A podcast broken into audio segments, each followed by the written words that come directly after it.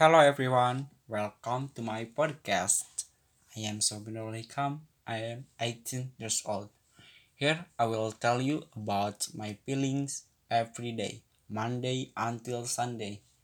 And I will talk to myself without anyone. Hmm, I feel so sad.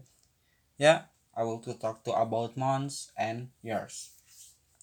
But not about feeling, just saying a little. Let's get started talk about my feelings on Monday. Hmm, I don't care if Monday blue, maybe black. Because we return to each other business after we take a break or maybe we have fun on the weekends. And the second day of the week is Tuesday. My feeling on Tuesday is great, but it wasn't always great. And the next Wednesday, Talking about Wednesday, I had a broken heart on Wednesday. I didn't know why. Wednesday, I had a broken heart. Thursday, talk about Thursday. I don't care about that day because I will stay in bed. By the way, I was born on Thursday, which is why I'm going to bed, which is a very unreasonable excuse.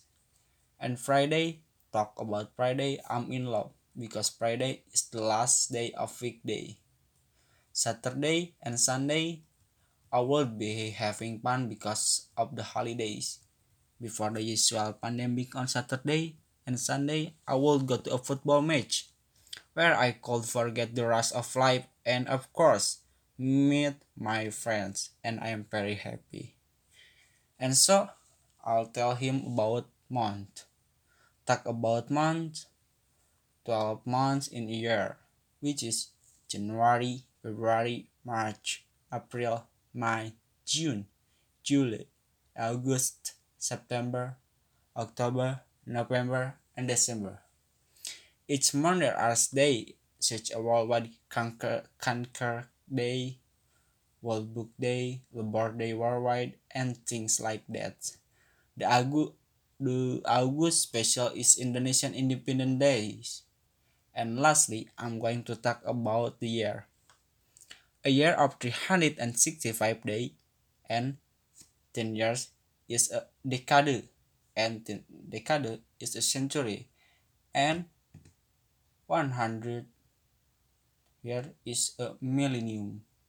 Well, I hope you are it. But I'll see you another episode. I am Sopin Hikam. See you for me with love.